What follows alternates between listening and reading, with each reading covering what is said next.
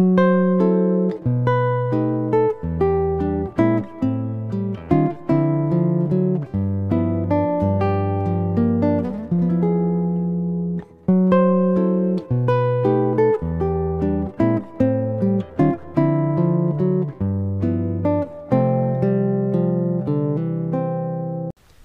halo.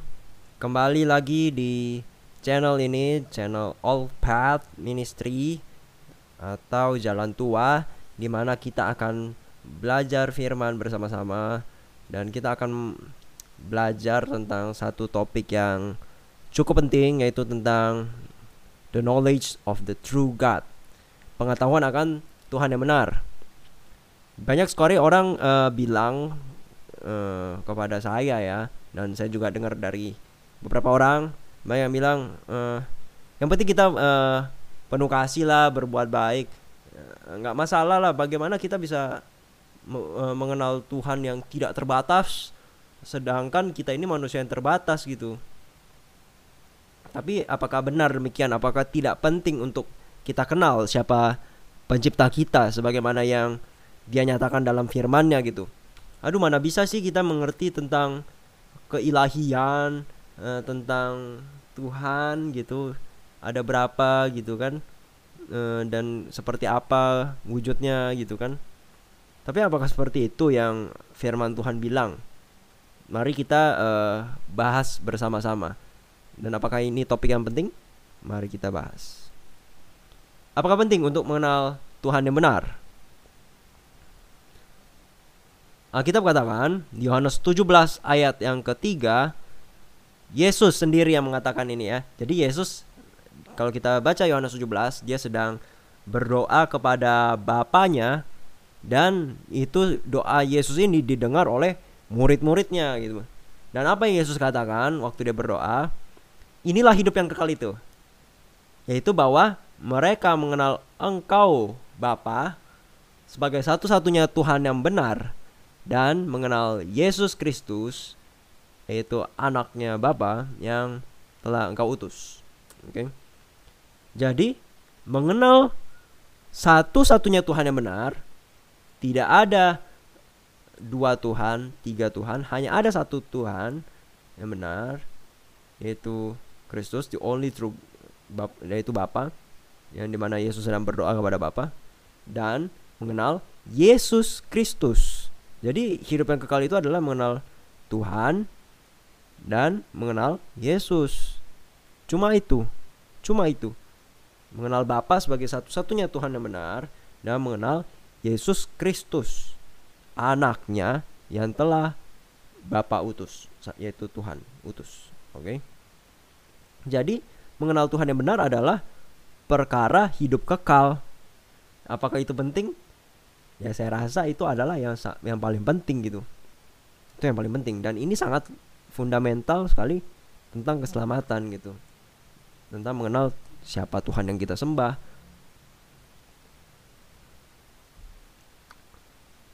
Ayat yang sangat familiar di dalam dunia kekristenan adalah Yohanes 3 ayat 16 bahkan ini adalah ayat inti jantung dan semua orang Kristen harusnya sangat familiar sekali dengan ayat ini. Karena begitu besar kasih Tuhan Bapa akan dunia ini sehingga ia yaitu Bapa telah mengaruniakan anaknya yang tunggal supaya setiap orang yang percaya kepadanya tidak binasa melainkan beroleh hidup yang kekal. Jadi kembali lagi ayat ini mengatakan tentang perkara hidup kekal, keselamatan. Dan apa itu keselamatan? Apa itu kasih yang begitu besar yang kita dinyatakan oleh firman Tuhan? Bapa begitu mengasihi dunia ini dan dia berikan anaknya yang tunggal satu-satunya tunggal itu satu-satunya. Dia tidak piliki yang lain lagi. Jangan keluarkanlah. Dia berikan kepada dunia yang mayoritas tidak peduli yang dia sudah tahu gitu ya bahwa banyak yang akan menolak akan dia menolak akan keselamatan itu. Tapi dia tetap mau berikan. Apa yang dia berikan? Anaknya satu-satunya. His only begotten son. Yang keluar exersomai dari dia dia berikan. Tidak ada di alam semesta ini yang setara dengan Bapa selain daripada anaknya. Setara dengan Tuhan selain pada anaknya sendiri, yaitu Yesus yang memiliki nature yang sama dengan dia. Yang memiliki yang sebelum dia jadi manusia memiliki sifat ketuhanan yang sama gitu. Dan dia berikan anaknya. Tuhan berikan anaknya. 1 Yohanes 5 ayat 11 dan 12. Dan inilah rekod itu atau uh, kesaksian itu bahwa God that God had given to us eternal life. Jadi Tuhan telah memberikan pada kita hidup kekal. Dan hidup kekal ini ada di dalam anaknya. Nah, jadi God ini setiap kita ketemu kata God di dalam Alkitab selalu merujuk kepada Bapa. Most of the time. God kalau kita bicara tentang suatu oknumnya gitu ya. God and his son, God and his son, God and his son. Itu tadi kita baca Yohanes 3 ayat 16, Yohanes 17 ayat 3 dan di tempat-tempat lain. God selalu merujuk kepada Bapa. Tapi nanti kita akan bahas juga bahwa ada dalam konteks tertentu God ini juga bisa berarti bukan hanya oknum tetapi juga secara sifat alami gitu ya. Atau uh, kita sebut sebagai sifat ketuhanan nature nature. Bukan personage ya. Dan itu akan kita bahas di lain waktu ya. Itu akan kita bahas di lain waktu. Uh, kalau kalian uh, merasa itu penting untuk dibahas nanti bisa tulis saja di kolom komentar. Nanti kita akan bahas spesifik soal nature and personage gitu ya. Tapi dalam tiga ayat yang sudah kita bahas, kita sudah menemukan bahwa God adalah the Father of Jesus Christ. Ya, Tuhan memberikan hidup kekal itu dan hidup itu ada dalam anaknya. Dan ia yang memiliki anak memiliki hidup dan ia yang tidak memiliki anak Bapa, the Son of God, had not life, tidak memiliki hidup. Jadi kita simpulkan apa itu hidup kekal? Kita kenal satu-satunya Tuhan yang benar, yaitu Bapa dan anaknya Yesus Kristus yang dia berikan yang Bapa berikan kepada dunia ini dan hidup kekal itu adalah Bapa berikan sudah di dalam anaknya. Dan barang siapa yang percaya kepada anaknya tidak akan binasa melainkan akan memperoleh hidup yang kekal. Di Buku Ministry of Healing halaman 409 dikatakan sekali lagi kita konteks kita adalah belajar pada saat ini apakah penting mengenal Tuhan yang benar secara benar. Tadi kita sudah simpulkan itu adalah isu salvation, keselamatan. Ya. Ministry of Healing halaman 409 like our savior seperti juru selamat kita We are in this world to do service for God. Kita di dunia ini melakukan pelayanan bagi Tuhan. Nah, 1 Yohanes 2 ayat 5 katakan 1 Yohanes 2 ayat 4 5 6 katakan barang siapa mengaku kita tinggal dalam dia dalam Yesus kita wajib hidup seperti Yesus telah hidup. Dan kutipan ini mengatakan sebagaimana Kristus melayani, kita pun juga harus melayani buat Tuhan. Karena kita adalah pengikut Kristus. We are here to become like God in character. Kita di sini untuk menjadi seperti dengan Tuhan dalam karakter. Nah, sebagaimana karakter Bapa sempurna, begitulah Tuhan menuntut kita untuk memiliki karakter yang sempurna seperti Dia. And by a life of service dan oleh kehidupan pelayanan to reveal him to the world. Kita menyatakan dia kepada dunia. In order to be co-workers with God untuk kita bisa menjadi rekan sekerja Tuhan in order to become like him dalam hal untuk menjadi seperti dia and to reveal his character dan menyatakan karakternya, we must know him right. Kita harus mengenal dia dengan benar. Wah, kalau kita pengertian kita salah gitu tentang dia, kita nggak akan bisa serupa dengan dia dalam karakter. Kita tidak akan bisa jadi rekan sekerjanya dan kita akan salah terus gitu. Satu pengertian salah sudah salah dan ini adalah fondasi gitu ya. We must know him as he reveals himself. Kita harus mengenal dia sebagaimana dia menyatakan dirinya. Dia menyatakan dirinya di mana? Dalam firman-Nya. Jadi apa yang Tuhan sudah nyatakan di firman-Nya, itulah yang harus kita ketahui.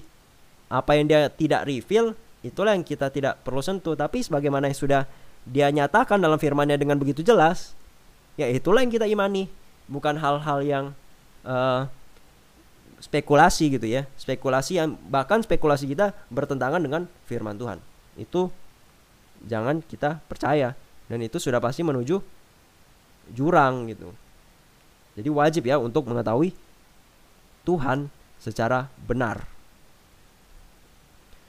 lalu dia lanjutkan dikatakan a knowledge of God is the foundation of all true education and of all true service pengetahuan akan Tuhan adalah fondasi dari pengetahuan yang benar dan seluruh pelayanan yang benar. Wah, jadi kalau sudah kenal Tuhan secara salah gitu, secara salah atau tidak mengenal Tuhan, maka kita tidak punya fondasi akan pendidikan yang benar, pelayanan yang benar. Semuanya fondasinya di atas pasir, jatuh, pasti akan jatuh.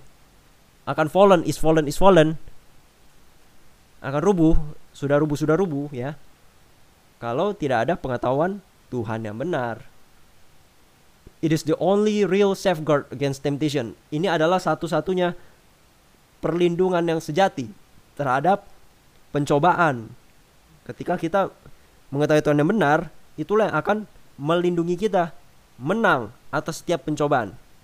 It is this alone that can make us like God in character. Adalah hanya ini. Wah, kalau sudah dibilang hanya ini, tidak ada lagi jalan lain. Hanya inilah jalannya. Kita kenal Tuhan secara benar. Kita bisa menjadi serupa dengan Tuhan dalam karakter. Nah. Berikutnya dilanjutkan. This is the knowledge needed by all who are working for the uplifting of their fellow men. Ini adalah pengetahuan yang dibutuhkan oleh semua yang bekerja untuk mengangkat saudara-saudaranya. Saudara-saudara kita ya, sesama manusia transformation of character, perubahan karakter, transformasi karakter, purity of life, kemurnian hidup kita yang murni, efficiency in service, suatu keefisienan dalam pelayanan, adherence to connect principles, the all depend upon a right knowledge of God. Semuanya bergantung pada pengenalan yang benar akan Tuhan. This knowledge is as the essential preparation both for this life and for the life to come. Jadi pengetahuan ini adalah esensial, adalah penting dibutuhkan untuk kehidupan persiapan kita di dunia ini dan untuk kehidupan kita di dunia baru. Di kehidupan kita setelah dari kehidupan kita di dunia ini ya. Kita percaya sebagai umat Tuhan bahwa Kristus akan datang gimana dunia yang sudah jatuh karena dosa ini ketika Yesus datang dia akan pulihkan lagi segala sesuatunya di mana di dunia baru nanti tidak ada dosa, ratap tangis, kesusahan-kesusahan efek dosa dari dunia ini. Dan pengenalan akan Tuhan yang benar itu mempersiapkan kita untuk kehidupan kita di dunia ini sekarang dan kehidupan kita nanti di dunia yang baru di mana semuanya ini akan diperbarui lagi. Tidak ada dosa, tidak ada penyakit-penyakit. Dan Tuhan sudah nyatakan dengan jelas gitu. Banyak orang bilang, aduh nantilah kalau kita ke surga baru kita kenal Tuhan, kita bisa lihat langsung gitu. Oh no no no, itu sudah bertentangan dengan firman Tuhan. Sekarang lah, di sinilah kita belajar untuk mengenal Tuhan sebagaimana Dia nyatakan di firmannya. Kalau itu aja kita nggak mau cari tahu, padahal sudah di depan mata kita, kita nggak akan siap untuk belajar kenal Tuhan yang benar di dunia baru nggak udah terlambat gitu bukan itu waktunya sekarang nih waktunya di buku Spalding dan Magan halaman 329 ini Mrs. White Ellen White ya dia uh, ketika ada kontroversi tentang personality of God tentang siapa itu Tuhan uh, sifat alaminya seperti apa sifat alami itu seperti uh, wujudnya seperti apa, bentuknya uh, seperti apa ya. Bukan itu yang dinyatakan di firman Tuhan. Tuhan tidak nyatakan uh, walaupun ada ya dinyatakan wujudnya. Dia punya uh, muka dengan muka, Musa bertatap muka dengan muka.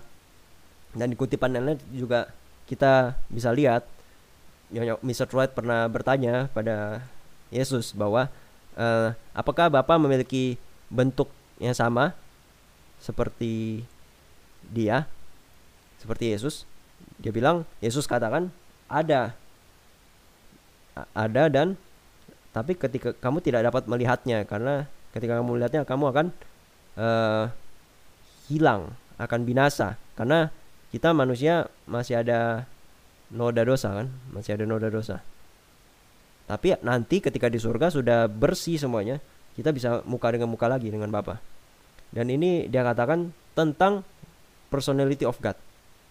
Tentang konsep personality of God. I say, saya berkata, and have ever said, dan selalu berkata, that I will not engage in controversy with anyone in regard to the nature and personality of God. Saya tidak akan pernah ikut join dalam kontroversi tentang nature dan personality of God. Let those who try to describe God biarlah mereka yang mencoba untuk menjelaskan Tuhan no mengetahui that on such a subject silence is eloquence bahwa tentang subjek tersebut silence adalah lebih baik silence itu golden silence itu lebih baik kemudian kita nggak usah sentuh topik ini hal-hal yang Tuhan tidak reveal oke okay? tentang uh, bentuknya seperti apa, wujudnya seperti apa, rambutnya seperti apa, gitu. Atau kuasanya itu seperti apa sih? Itu apa? Uh, kita mau coba jelaskan secara saintifik itu nggak bisa gitu, nggak bisa kita spekulasi. Bagaimana Tuhan bisa omnipresence itu nggak bisa, itu nature-nya gitu. Itu maksudnya omnipowernya itu gimana kok dia bisa sepowerful itu sih? Itu nggak bisa karena kita jelaskan secara saintifik nggak bisa. Cuma kita tahu ya itu ada aja gitu identitasnya ada aja gitu nah tapi sebagaimana Tuhan kasih tahu tentang dia itu siapa itu yang harus kita tahu gitu dong. Bener gak let the scriptures be read in simple faith. Biarlah Alkitab dibaca dengan iman yang sederhana. Apa itu iman sederhana? Tuhan bilang A ya A gitu. Tuhan bilang B ya B. Sebagaimana tertulis di situ itulah dia. Bukan kita tambah dengan opini-opini kita. And let each one form his conception of God from his inspired word. Biarlah kita tadi Nyonya Wet bilang kita lebih baik silence untuk topik tentang mendescribe God. Tapi berikutnya dia bilang biarlah kita membentuk konsep tentang Tuhan kita hanya dari tulisannya yang diinspirasikan yaitu firman Tuhan. Kembali lagi uh, ulangan 29 ayat 29 katakan ada hal yang rahasia gitu yang Tuhan tidak reveal kepada kita. Tapi sebagaimana semua yang Tuhan reveal dalam firman-Nya dengan sangat gamblang dan jelas, itulah yang harus kita imani. Itulah yang harus kita imani. Ya. Jadi ketika kita belajar tentang topik tentang siapa Tuhan yang kita sembah, kita bukan mau mencoba untuk spekulasi, kita hanya untuk kita hanya belajar berdasarkan apa yang firman Tuhan katakan tentang siapa itu Tuhan dan kita mau terima dengan iman yang sederhana, simple faith. Itu dia. Nah, apa yang dia katakan tentang dunia baru gitu, tentang Tuhan gitu. And he showed me a pure river of water of life Lalu ia menunjukkan padaku sungai air kehidupan yang jernih bagaikan kristal dan mengalir keluar dari tahta Tuhan dan tahta anak domba itu. Sudah jelas bahwa di dunia baru itu tidak ada tiga tahta. Yang kalau kita selama ini imani Trinity, Trinitas, ada three co-equal, co-eternal persons gitu kan. Ada tiga yang setara gitu. Tapi ada satu yang nggak ada tatahnya gitu. Apa kita salah mengerti? Atau memang Alkitab yang salah gitu? Tapi Alkitab katakan bahwa ada dua tata. Tata Tuhan, Bapa, dan tata anak domba, anaknya yaitu Yesus, Yeshua. Nah, mantap sekali ya. Dan sebenarnya sudah jelas gitu, intermezzo aja kan. Spirit of God. Roh milik Tuhan gitu roh dari Tuhan spirit of God itu sudah kata-kata yang gamblang itu simple faith gitu. Beda dengan God the Spirit Tuhan roh gitu kan. Beda sekali. Yang satu bicara tentang kepemilikan gitu satu adalah God dalam uh, spirit gitu dalam bentuk spirit gitu. Beda lagi beda beda sangat beda. Satu bicara tentang kepemilikan gitu. Font of Ivan. Handphone milik Ivan. Bukan handphone si Iv uh, apa? Bukan handphone itu sebagai oknum yang lain lagi gitu. Tapi itu kepemilikan. Gitu.